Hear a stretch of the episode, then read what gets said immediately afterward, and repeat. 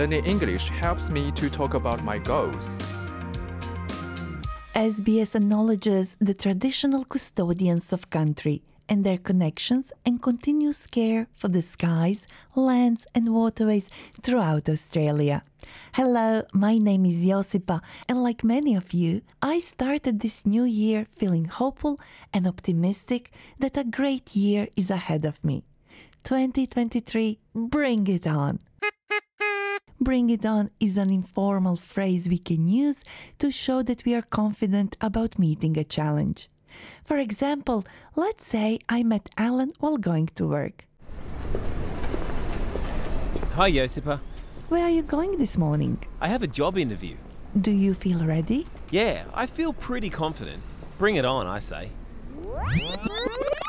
Depending on the context, we can use the phrase bring it on among friends and family to say, Let's get things started. or, Let's go. or I can't wait, which is also an expression we use to show that we are impatient to do something well.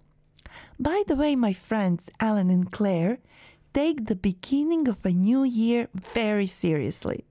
For them, it's the part of the year when it feels like they have a new chance to start a new habit and kick the old ones.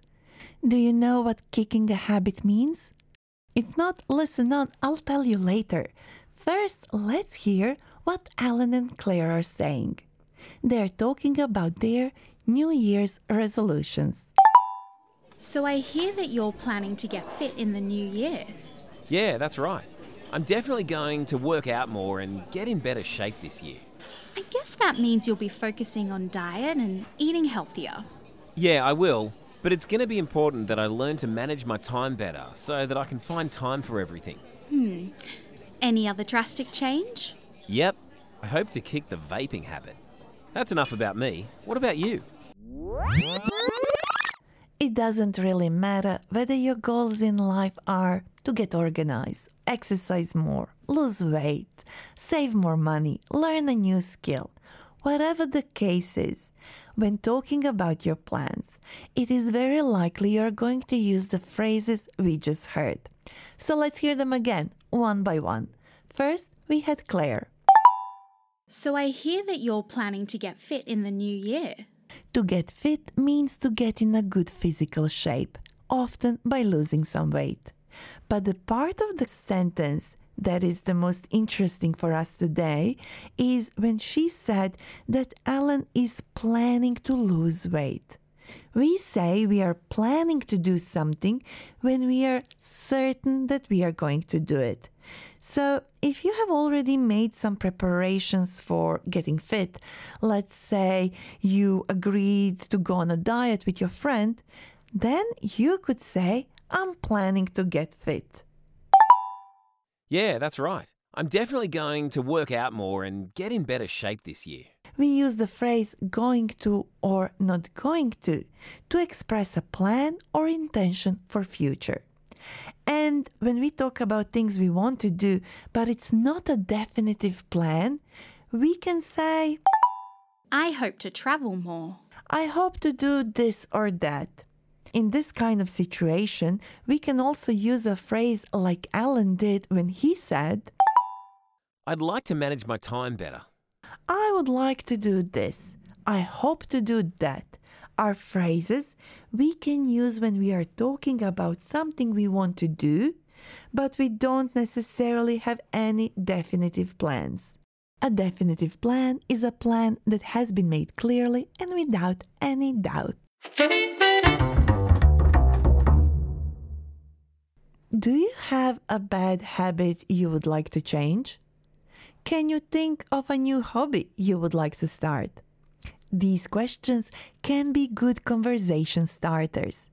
And while you think how you would answer them, I want to find out what Claire's New Year resolutions are. I hope to kick the vaping habit. That's enough about me. What about you? I'm thinking about traveling more, but I also want to save some money. So I made a budget and now I'm sticking to it. Ah, you'll do great. Fingers crossed. Do you know what Alan meant when he said, I hope to kick the vaping habit. if you are hoping to kick a habit, you are hoping to get rid of it, to stop it? Claire then talked about things that she's considering doing but are not a definitive plan yet. When she said, I'm thinking about traveling more. Claire also said something else, a phrase that I should use more often in my everyday life. So I made a budget and now I'm sticking to it. I made a budget and I'm sticking to it. If you are sticking to a budget, you are spending money according to a specific plan designed to help you save money. You can also stick to other things such as a timeline or a plan. And at the end of the dialogue, we heard two expressions we can use to wish people good luck with their resolutions. We're going to hear them again, but before that, let me ask you what phrases besides good luck would you use? This is what Alan and Claire said. You'll do great. Fingers crossed. There are many more ways to wish someone good luck. So, when you want to encourage someone with their plans, you could say, Go for it. Hang in there. Best of luck. You've got this.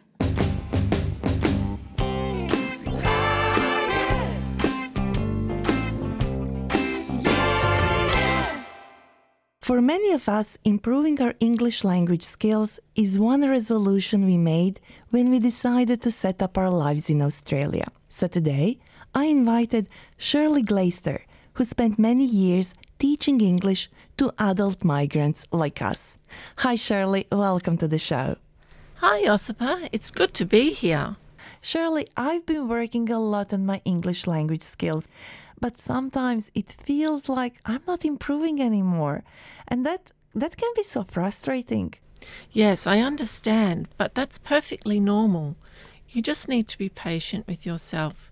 When you get to an upper intermediate level, sometimes it can feel like you're not making any progress. But believe me, you still are. Do you have any tips on including learning in our daily lives so that it doesn't feel like we are studying? There's a very good technique called the three A's technique. What is it? The three A's are answer, add, and ask. Can you give us an example? Yes. For example, somebody asks you a question, maybe in a shop or on a bus stop. Maybe the question is, Where are you from? The first A is you answer the question. So you might say, I'm from Beijing. The second A is add. So you add some more information to your answer. So I'm from Beijing. It's a very big city in China. Then the third A is ask. You ask a question yourself. So you say, I'm from Beijing in China. It's a very big city. And then you ask a question, Have you ever been there? And in this way, you keep the conversation going, and that gives you more opportunities to practice your English. Thanks for that, Shirley. It sounds like a really useful technique, and I'm definitely going to use it. But there is just one more thing I need from you today. Of course, what is it? Will you please help me repeat the phrases we practiced in this episode? Sure, let's do it. See if you remember the meaning before hearing the answer. The phrase bring it on means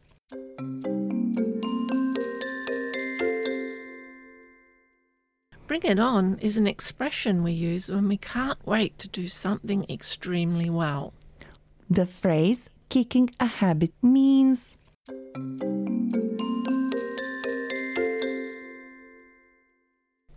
If you're kicking a habit, you are stopping that habit. You're quitting it. You're eliminating it from your life. we heard different expressions we can use to talk about our plans and goals. I'm going to work out more and get in better shape this year. I hope to travel more. I would like to manage my time better.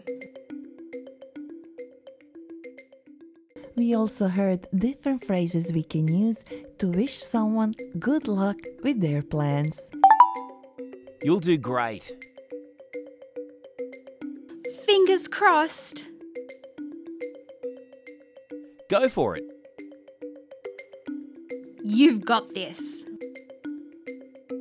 Best of luck.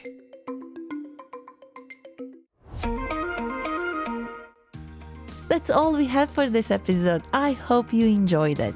For learning notes and transcripts, visit the SBS Learn English website, where you can also find a quiz to test your listening and understanding skills. And if you want to get in touch with us, reach out on Facebook. We are SBS Learn English. I'm your host, Josipa. Thank you for listening. SBS Learn English helps Australians speak, understand, and connect.